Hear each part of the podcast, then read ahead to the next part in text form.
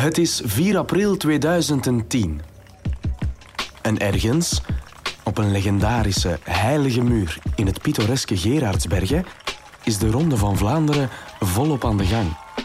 Of je nu Belg bent of, of niet Belg, Europeaan of Amerikaan. Ik denk dat de Ronde eh, echt wel het monument van de wielerwereld is. Voorlopig is alles nog pijs en vree in deze ronde. Maar dat blijkt later stilte voor de storm. Want onder ons voltrekt zich een waar steekspel. Tussen enerzijds een Zwitserse gladiator en anderzijds een Belgische Flandrien. Kampioen van Zwitserland tegen de kampioen van België.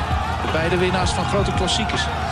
Ik zou niet kunnen zeggen wie nou de beste renner is van deze twee. Dat is het mooie. Een behoorlijk gelijkopgaand duel tussen de twee beste klassieke renners van hun generatie. En dan plots Hier komt dat steile strookje. aanschouwt de volledige wielerbeschaving een donderslag bij heldere hemel. Hij tikt gewoon zittend door. Wat is dit hier? That is fantastic. En het is die donderslag Bonen geeft twee lengte en weet dat hij die Cancellara niet mag laten rijden. die de wielerwereld in twee groepen verdeelde. Dit is pijnlijk, dit is pijnlijk. Zij die geloven in de wielergoden Het is een wielergod. Hè. Dat is een man die er met kop en schouders boven stak. En zij die geloven in oplichterij en toneel. Hij heeft een brommer niet ingeslikt. Die heeft hij laten groeien in zijn benen. Het is onvoorstelbaar. En tot op heden zijn de meningen nog altijd verdeeld. Voor ons is het een eh, broodje aapverhaal. We hebben hem heel snel gecatalogeerd als onzin. Cancellara reed met een motortje in de Ronde van Vlaanderen van 2010. Daar ben ik zeker van. Maar wat daar ook gebeurd is, niets neemt weg dat de met rood en wit versierde gladiator die dag over de kasseien scheurde, Tombone quasi aan flarden reed en als allereerste over de eindmeet kwam. Wat we nu juist hebben mogen aanschouwen, vraag je je misschien af. Wel, het gaat de geschiedenis in als het ontstaan van een van de meest besproken mythes van de hele wielergeschiedenis. Is het mogelijk dat Cancellara de Ronde van Vlaanderen won met een motortje in zijn fiets?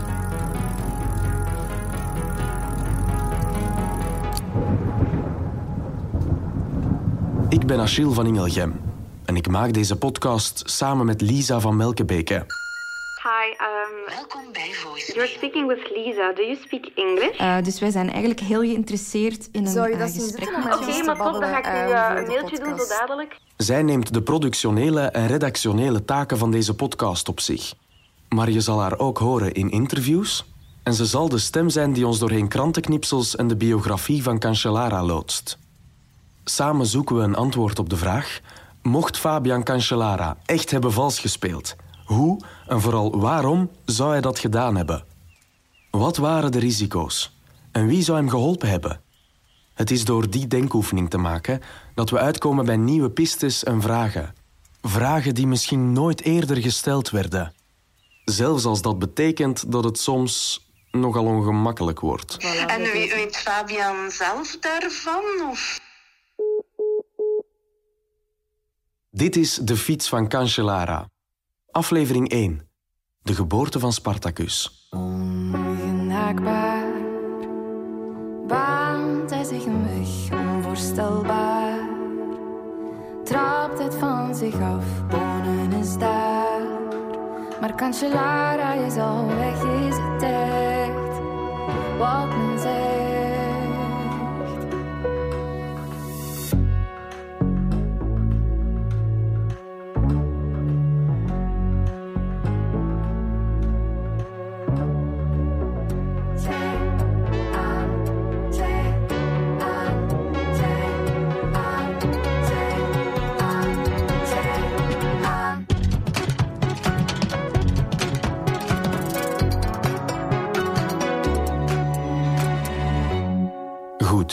Zijn vertrokken voor een helse tour.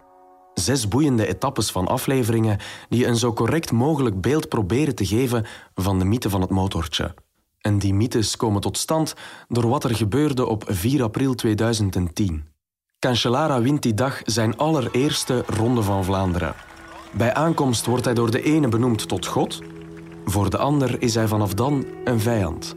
Want hij fietste met zoveel gemak onze eigenste Flandrien Tommeke Bonen voorbij dat sommigen niet konden geloven dat het echt was. Men gebruikt tegenwoordig een modern woord. Ik probeer mij dat eigen te maken.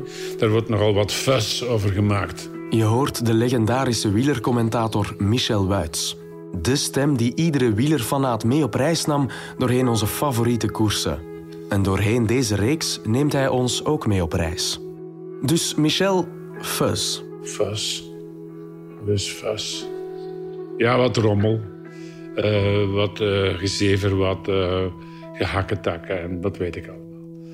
Um, er is wat fuss ontstaan over het feit of de manier waarop Cancellara wegreed op de muur van Gerardsbergen, of dat wel des mensen was. Michel Wuits heeft het hier over het ontstaan van de geruchten. Motortje. Ja, motortje is een fiets. Uh, motorke. Een motortje in een fiets. Een motortje. En die geruchten, die komen allemaal van de indruk dat... Van de indruk die ontstaat dat hij door een uh, beweging uh, aan zijn stuur... dat hij een bijkomende kracht in werking zet die hem in staat stelt om op zijn zadel te blijven zitten en toch galant, motorachtig wegrijden van een bonen die uh, duidelijk meer aan zoegen toe is, maar desondanks toch ook nog vrij galant over de muur heen gaat. En dat laat zijn sporen na. Bijna elke renner, als je die googelt, staat er het woord doping achter. Enkel bij die ene renner waar we het over hebben, verschijnt motor. Dit is Jappe Toten trouwens. Collega-podcastmaker van de wielerpodcast Valsplat. Ook hij is op de hoogte van de ins en outs van de wielerwereld. En zoals gezegd, Cancellara's naam is onlosmakelijk verbonden aan de geruchten van het motortje. En het blijven geruchten. Want waar de fiets, waarmee hij die dag op de muur van Gerardsbergen reed, nu precies is, is niet algemeen geweten. Het blijft dus bij speculaties en theorieën. Van bonenfans, van mensen die erbij waren die dag, maar vooral van een wielergemeenschap die smult van zulke verhalen. Met een montage bewijs je wat je wil. Met het plakwerk van beelden kun je zelfs meer dan suggereren. Kun je van een leugen een waarheid maken. Ongetwijfeld zullen leugen en waarheid doorheen deze reeks met elkaar verbonden blijven. We kunnen ons wel de vraag stellen wie de man op de fiets was. Had Fabian Cancellara de trekken van een fraudeur? Om dat allemaal mooi in kaart te brengen, duiken we in het verleden van onze protagonist. We starten bij zijn jeugd. En daarvoor doe ik beroep op iemand. Guy van Langenberg, goed bevriend met Fabian als het onze relatie aanbelangt. Auteur van zijn biografie.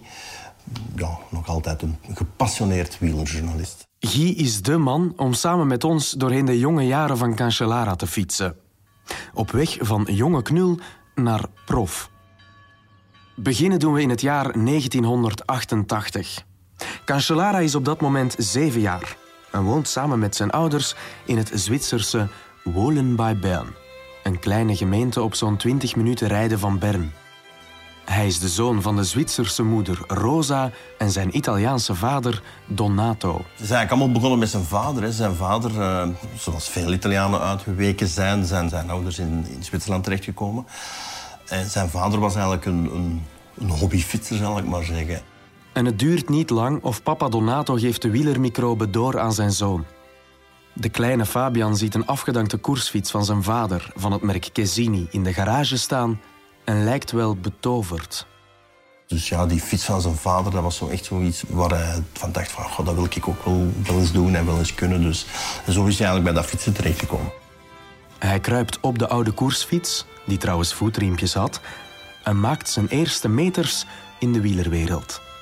Het lijkt ons trouwens onwaarschijnlijk dat er in het oude exemplaar van Papa Donato al een motortje zat. Dat was ook niet nodig. Want in het begin koerst hij vooral zo snel mogelijk rond met zijn vriendjes uit de buurt. Maar op 12-jarige leeftijd besluit hij voorzichtig en schoorvoetend deel te nemen aan een allereerste wielerwedstrijd. Er is wel nog één probleem. Er is nog een andere liefde. Want hij heeft ook gevoetbald, maar dat was dan blijkbaar zo'n groot succes. Nou, hij zou toch willen fietsen.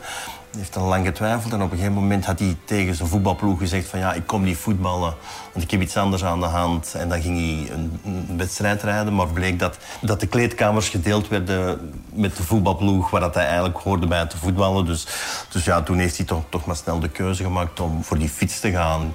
De jonge Fabian lijkt dus goed te weten wat hij wil en heeft absoluut geen problemen met knopen doorhakken. Onze kleine Spartacus is vertrokken.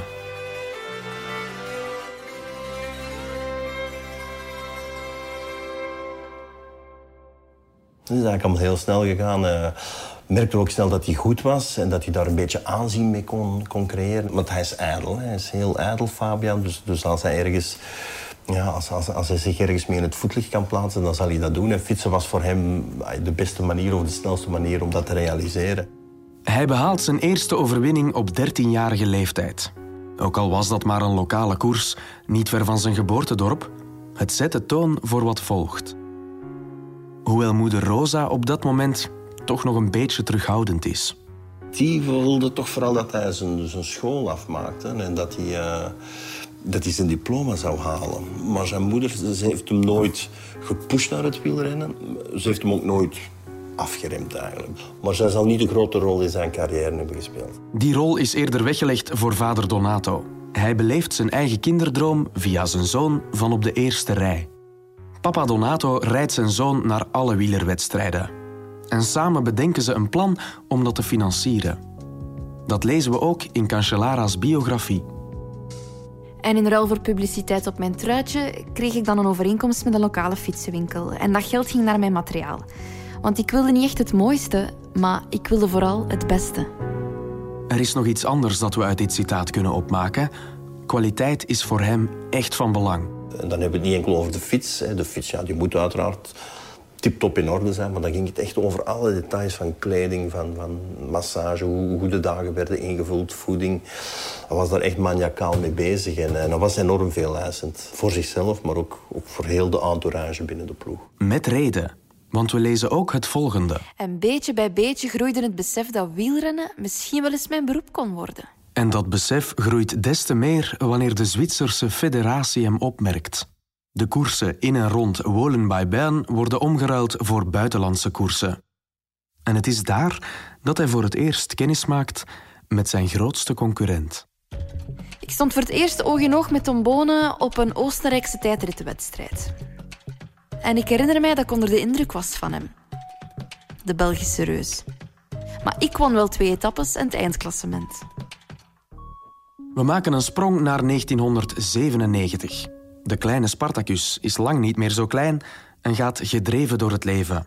Hij is een 16-jarige die weet wat hij wil, keuzes durft maken, een ondernemingszin heeft en in het oog van alle concurrentie gewoon doortrapt. Een puber die opereert met de precisie van een Zwitsers horloge.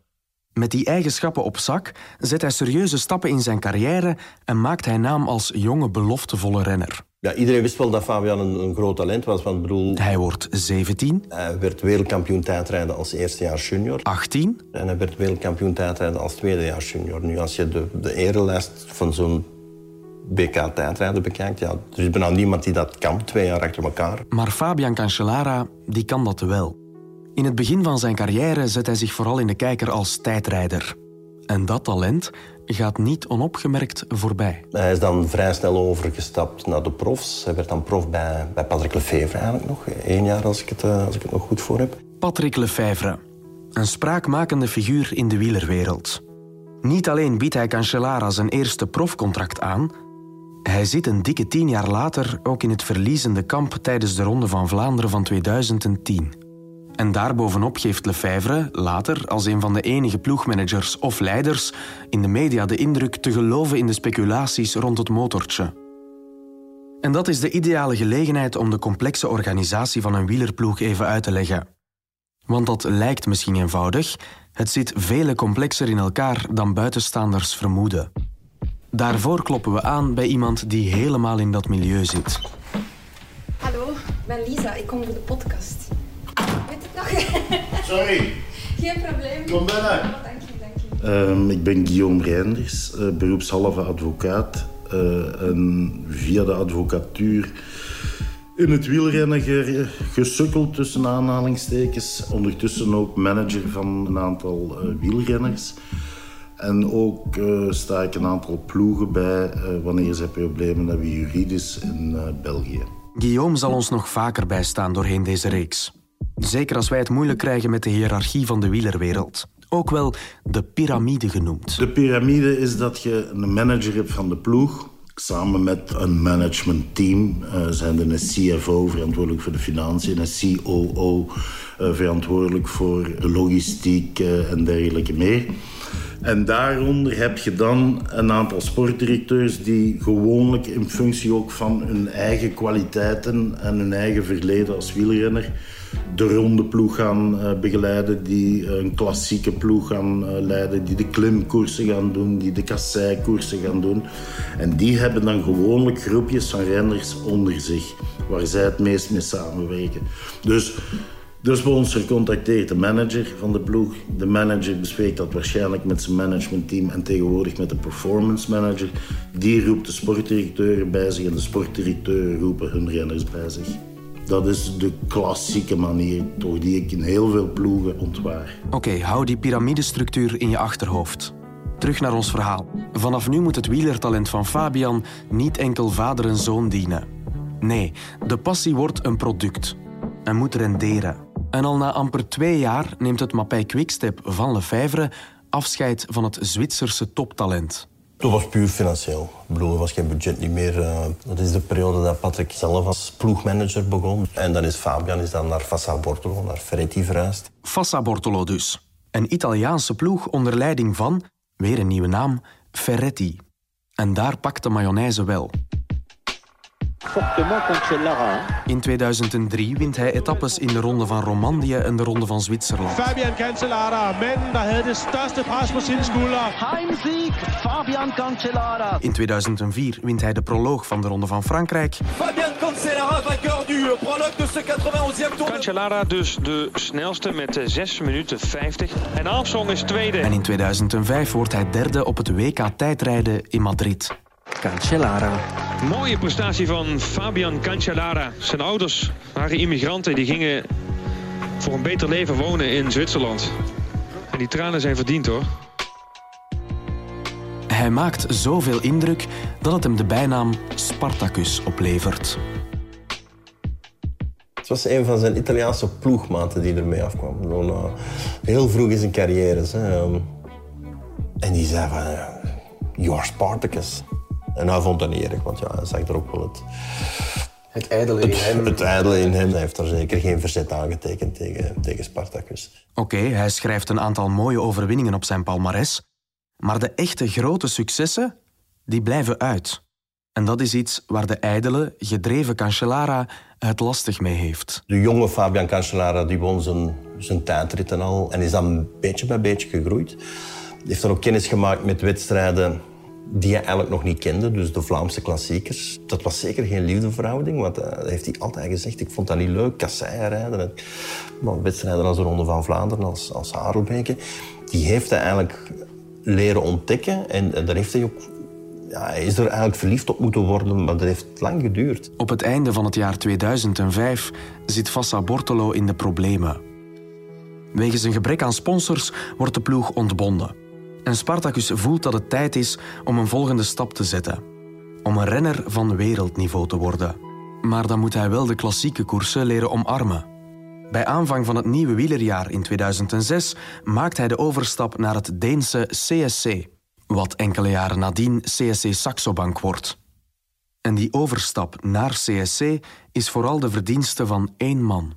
Maar hij had vooral de figuur Bjarne Ries die hem uh, enorm intrigeerde en de manier waarop Ries werkte. En uh, dat was voor hem de reden om de stap naar, naar CNC te zetten. We nemen er weer even onze piramidestructuur bij. Bij Mappij Quickstep valt Cancellara onder de hoede van Lefebvre. Later, bij Fassa Bortolo, is die rol weggelegd voor Ferretti. En nu is zijn ploegleider dus Bjarne Ries. En dat lijkt een gouden combinatie. Want in het eerste jaar van zijn overstap wint het duo Ries Cancellara een allereerste grote klassieker. De Hel van het Noorden. Parijs-Roubaix. Het Zwitserse toptalent wint de 104e Parijs-Roubaix.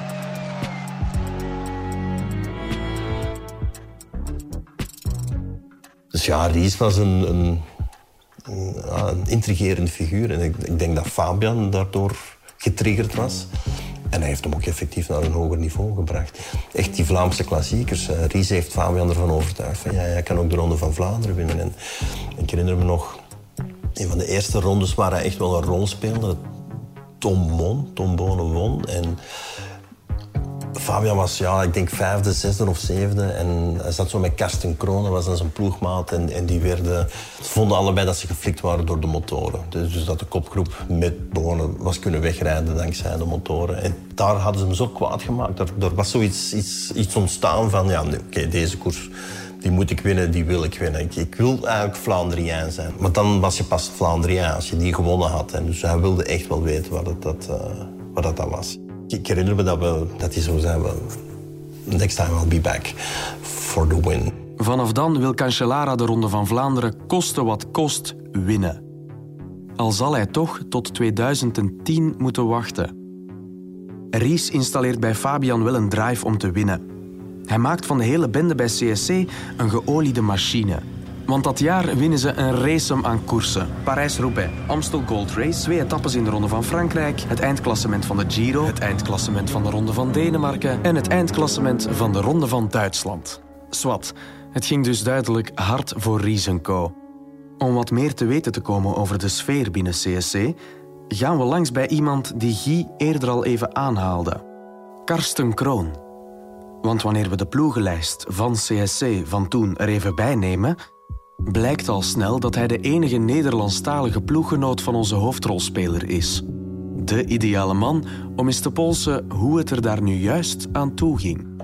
Na een autorit van zo'n twee uur komen we aan in Vroenhoven. Ik had er zelf nog nooit van gehoord, maar het ligt tegen de Nederlandse grens, vlakbij Maastricht. Hey, hallo. Hallo. hallo. We hadden een afspraak met Karsten. Ja, klopt. Uh, kom verder. En door een misverstand... Uh, ik, ik heb wel echt meteen heel vervelend nieuws, want Karsten is er niet. Blijkt dat Karsten helemaal niet thuis is. Oei. En, en hij heeft echt alles aangedaan om jullie... Maar hij heeft het telefoonnummer niet opgeslagen. Ai. Ai, inderdaad. Miscommunicatie. Plots krijgen we een gsm in onze handen geduwd. De mensen van de podcast zijn er. Dus ik dacht, dan kan je... En staan we te videobellen met Karsten Kroon... terwijl we in zijn woonkamer staan... en hij zelf blijkbaar in Parijs zit. Veel absurder moet het niet worden. Jullie willen niet weten in hoeveel bocht ik me heb gewrongen om achter jullie gegevens te komen. We spreken een nieuwe datum af voor het interview en sturen hem de dag zelf een berichtje. We krijgen meteen reactie. Deze keer wel thuis, met een gele duim bij. Oef. En dan krijgen we Karsten eindelijk in levende lijven te zien. Hoi. Hoi, Gilles. Karsten, ben Lisa. Hoi Lisa, welkom. Dank je. Kom binnen.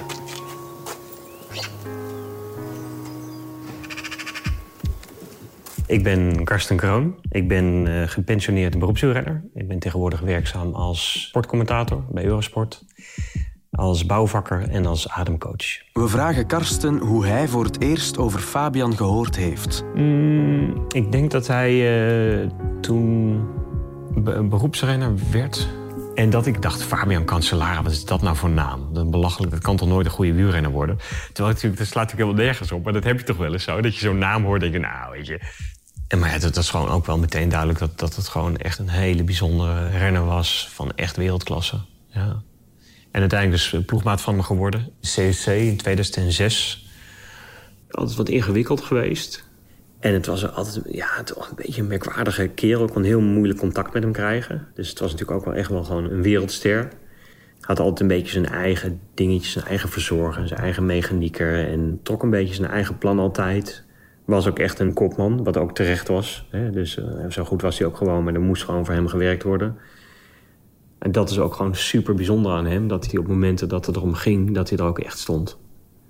Dus hij was echt een van die, van die renners die heel goed met druk om kon gaan. Wat gewoon echt bijzonder is. Ja. Het zijn niet veel uh, mannen die dat kunnen. Maar als het echt om ging, dan, was, dan stond hij er gewoon. Dan kon je van hem aan. We komen steeds meer te weten over Spartacus. Hij lijkt wel de aanvoerder van een legioen. Een wielerlegioen. En er moet voor hem gewerkt worden. Hij beschikt dan ook over de capaciteiten van een echte leider. Hij is een beetje een eenzaad, kan goed met druk om en heeft oog voor detail en kwaliteit. Rondom hem heeft hij raadsmannen die hem over ieder minuscuul detail brieven, techniekers die hem van het beste materiaal voorzien, soigneurs die hem fysiek in orde stomen voor ieder duel en knechten die voor hem door het vuur gaan. Was dat een vriendengroep? Ja, ja, ja. ja, ja. Uh, ontzettend gelachen, maar ook heel hard uh, gewerkt. Dus uh, ja, een hele bijzondere dynamiek. Daar ervaarde ik echt, weet je, wat dan wordt gezegd dat, dat 1 plus 1 3 kan zijn. Dus, en, en zeker Ries, die had daar gewoon een heel belangrijk aandeel in. Een, gewoon een hele, hele bijzondere kerel. En opnieuw valt de naam Ries. En daar gaan we het later nog over hebben. Maar wat ik nu al kan meegeven, is dat Ries geen onbeschreven blad is. Om nog een beter zicht te krijgen op het ware heldenverhaal van onze Spartacus, gaan we ten rade bij een ras-echte meesterverteller. De koffie is oké, ja, de dingen. ja. Rick van Wallegem. Ja, mag ik? Oh. Ja, doe maar. Ah, oké. Ik ben Rick en ik doe niks. maar hij heeft er een lange loopbaan op zitten. Hij is jarenlang sportjournalist geweest en oud-directeur van het Centrum van de Ronde van Vlaanderen. Een man die leeft voor wielerverhalen.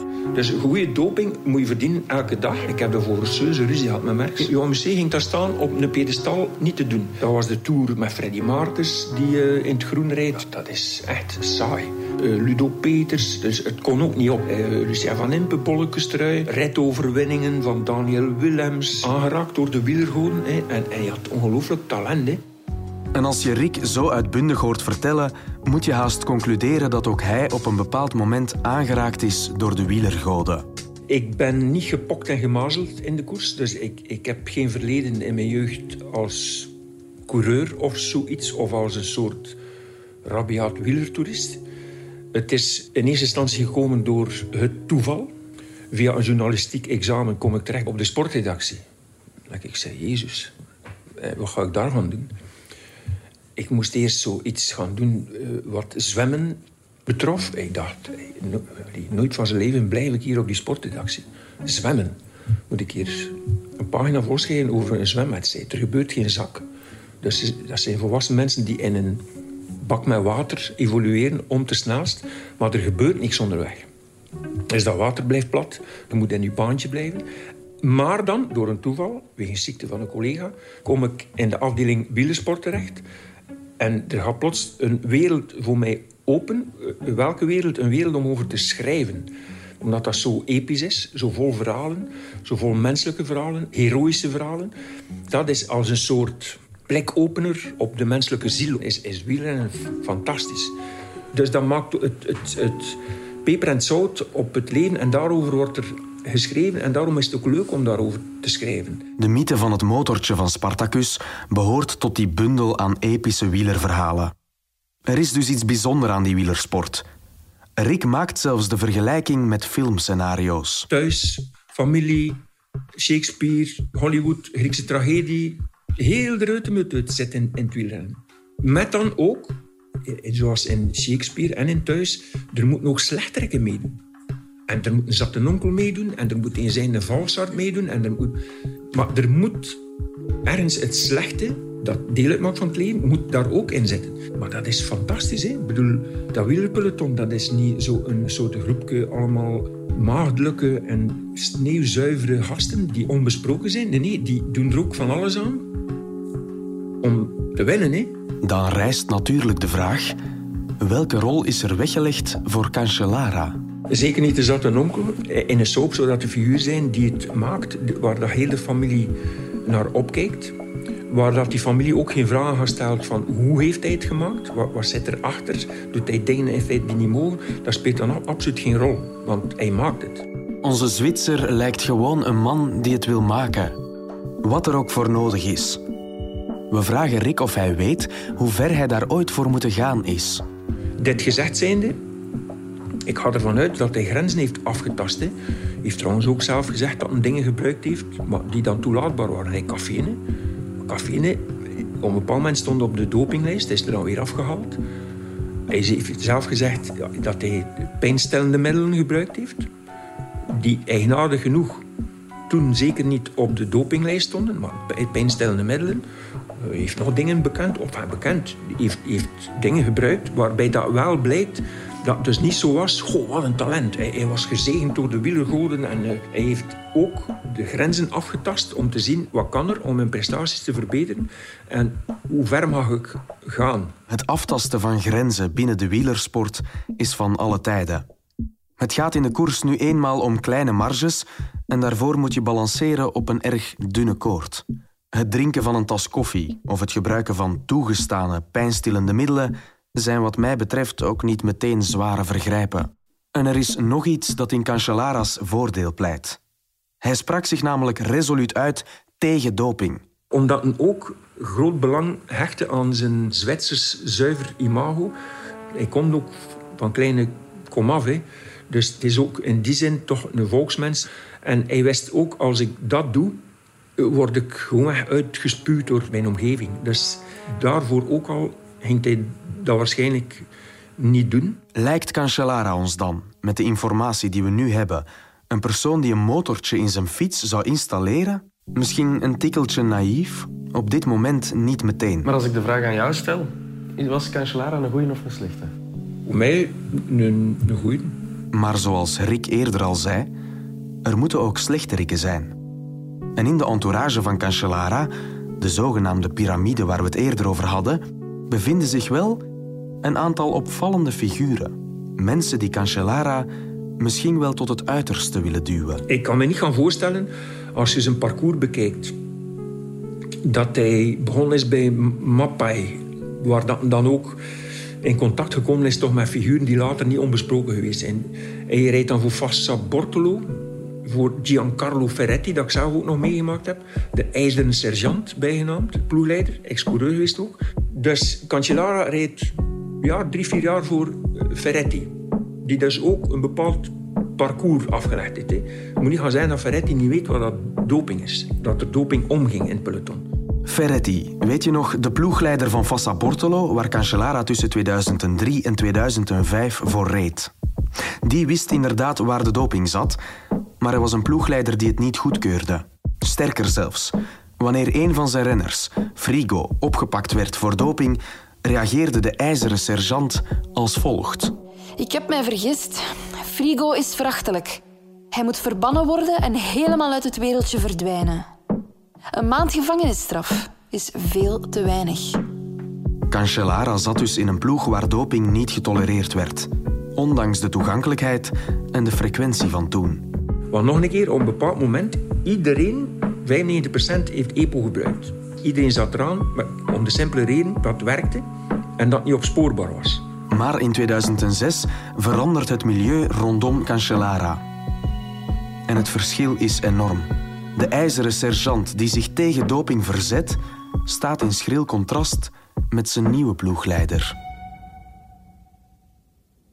Hij komt dan, uh, waar gaat dan naartoe? Uh, is dat nog Ries? Ja, maar goed, Bjarne ja, dus heeft ook bekentenissen gedaan. Eigenlijk Bjarne maar de grote begeleider toen van Cancellara was Kim Andersen. En die dan ook een keer zwaar tegen de lamp is gelopen ook. Dus Kim Andersen is zwaar gerelateerd aan dopinggebruik. En dat is dus een lijst. Allee, ik bedoel, Cecchini, of hoe heet hij, die, die dokter? Dan de kanselaren zei, ja, ik, ik, eh, is een ongelooflijke gast qua trainingsarbeid en uw volgenfysiologie, zo het allemaal zit, zegt hij, je kunt geen beter hebben. Ja, het kan niet gaan zijn dat Cecchini onbesproken is. Heeft Cecchini doping gegeven aan, aan Cancellara? Dat weet ik niet. Cancellara is nooit betrapt geweest. Rick kaart weer een nieuwe naam aan. Dr. Luigi Cecchini en zijn collega Michele Ferrari waren leerling van professor Francesco Conconi. En van die laatste wordt gezegd dat hij doping in het peloton introduceerde. Deze Italiaanse drietand van dokters stond er in de wielersport om gekend op zoek te gaan naar manieren om het menselijke lichaam tot het uiterste te drijven. En daarvoor experimenteerden ze dikwijls op zichzelf. Maar het wordt nog straffer. Zijn collega Michele Ferrari wordt ook wel Dr. Evil genoemd. Want hij werd in 2012 levenslang geschorst en is de man die mede verantwoordelijk was voor de dopingpraktijken van Lance Armstrong. Maar ook de dokter van Cancellara, Cecchini, liep tegen de lamp. Want later komt uit dat hij de dokter is achter de dopingpraktijken van onze eigenste, jawel, Bjarne Ries. Dit alles om te kaderen in wat voor milieu onze doodbrave, en nadat ik bovendien nog niet eerder vermeld, christelijke Cancellara zich op dit moment bevindt. Het is zo het een het ander. Hij zegt, ja, het is ook geen nuil, Cancellara, dat hij wist wat dat allemaal omging. In het peloton, dat is zo. Heeft hij zelf gebruikt? Niemand kan dat zeggen, want je hebt geen enkel bewijs. En die bewijzen zullen ook niet snel meer komen, bijna twintig jaar na datum. Maar we willen wel dichter bij Cancellara komen. Want hoe meer we ons verdiepen, hoe meer vragen en onzekerheden er opduiken. Maar we moeten ook realistisch zijn. Als Ries Cancellara heeft aangezet tot het gebruiken van doping, of nog straffer, heeft aangezet tot het gebruiken van een motortje in zijn fiets, zijn wij wellicht de laatste aan wie hij dat ooit zou toegeven. Maar hij is wel de man die de hele situatie voor ons kan schetsen en ons een beeld kan geven van die tijd bij CSC. Een logische stap lijkt ons dan het interview aan te gaan met hem. Maar na uren en uren van opzoekingswerk, contact met oude Deense collega's van hem, mailverkeer met oude ploegen en telefoonnummers die niet blijken te bestaan, The number you have dialed is not in use. Haken we af. De man lijkt haast van de aardbol verdwenen. Gelukkig is er nog een naam. Kim Andersen. De grote begeleider toen van Cancellara was Kim Andersen. En hij is nog altijd actief als sportdirecteur bij Trek. Op het internet vinden we contactgegevens van persverantwoordelijke Amy. We sturen een mailtje met de vraag voor een telefonisch interview. En niet veel later krijgen we een antwoord. Kim will be available tomorrow evening at 9 p.m.